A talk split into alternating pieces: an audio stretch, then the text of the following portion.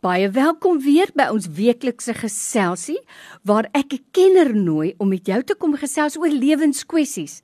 En eintlik wil ons jou by 'n punt bring waar jy sê ek kies lewe. My gas in die ateljee vandag telefonies is dokter François Swart. Hy's 'n kliniese en pastorale terapeut. Dokter François vir jou tyd vandag weer. Baie dankie. Ons waardeer dit. Hallo Lorraine en al die luisteraars. Ek sien uit om te wees vir 'n paar oomblikke. Nou, in die nuus lees ons daagliks van staatsdepartemente, munisipaliteite, maar dan wentel dit nou maar af tot by Jan en Alleman. Oral lyk dit vir my, klink dit vir my word geld verduister, gekorrupteer. Ag, die ou mense sou sommer gesê dit word gesteel. Mense is oneerlik oor hulle kwalifikasies.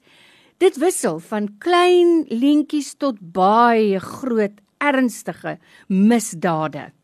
Kom ons praat vandag 'n bietjie oor integriteit. Waar begin eerlikheid en hoe skerp ek dit by kinders in want hulle is nou immers die volgende geslag wat hierdie mooi land van ons moet vorentoe neem.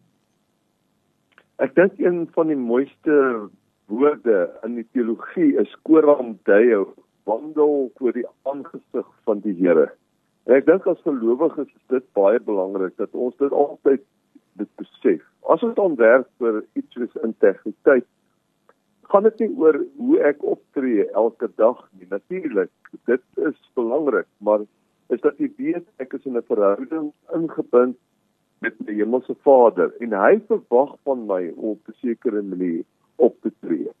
Dis 'n gelowige, ek geen ander keuse is om die heeltyd integriteit na te jaag nie. Dit is iets waaraan ons gedurig teë moet werk en ons kan nie maar net sê omdat ander mense dit doen, kan ek dit ook maar doen nie.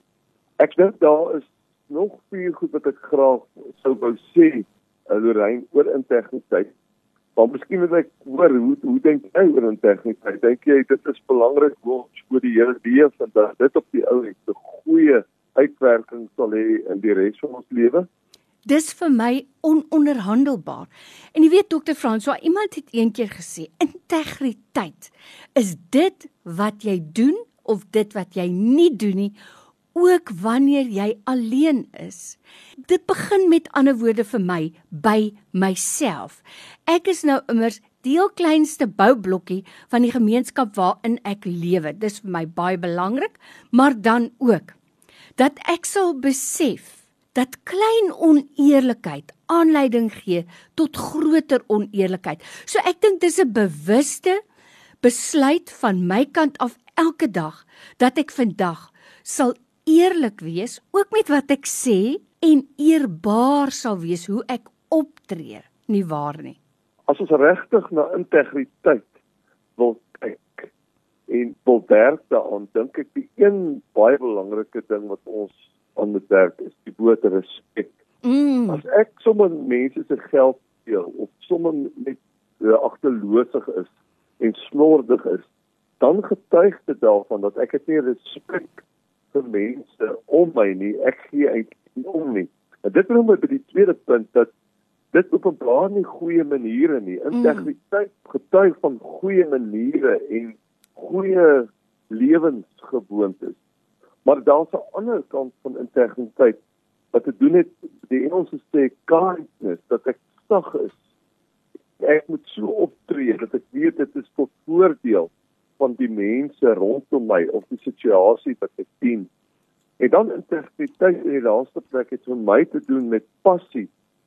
Ek dinge passievol sal doen en met egtheid sal doen. Mense wat met passie werk uh, in hulle lewe. Werk eintlik nie want hulle geniet net doodeenvoudig dit wat hulle doen. Nou, jy sal hoor by sulke mense wat regtig integriteit het en passievol is dat hulle is is eintlik altyd positief mm. in terme van die uitdagings en daardie straal jy dan ook 'n soort van 'n uh, entoesiasme uit wat mense kan intrek binne in 'n uh, integriteit. Ek gesels vandag weer met Dr. François Swart, hy's kliniese en pastorale terapeut en ons praat met jou vandag oor integriteit.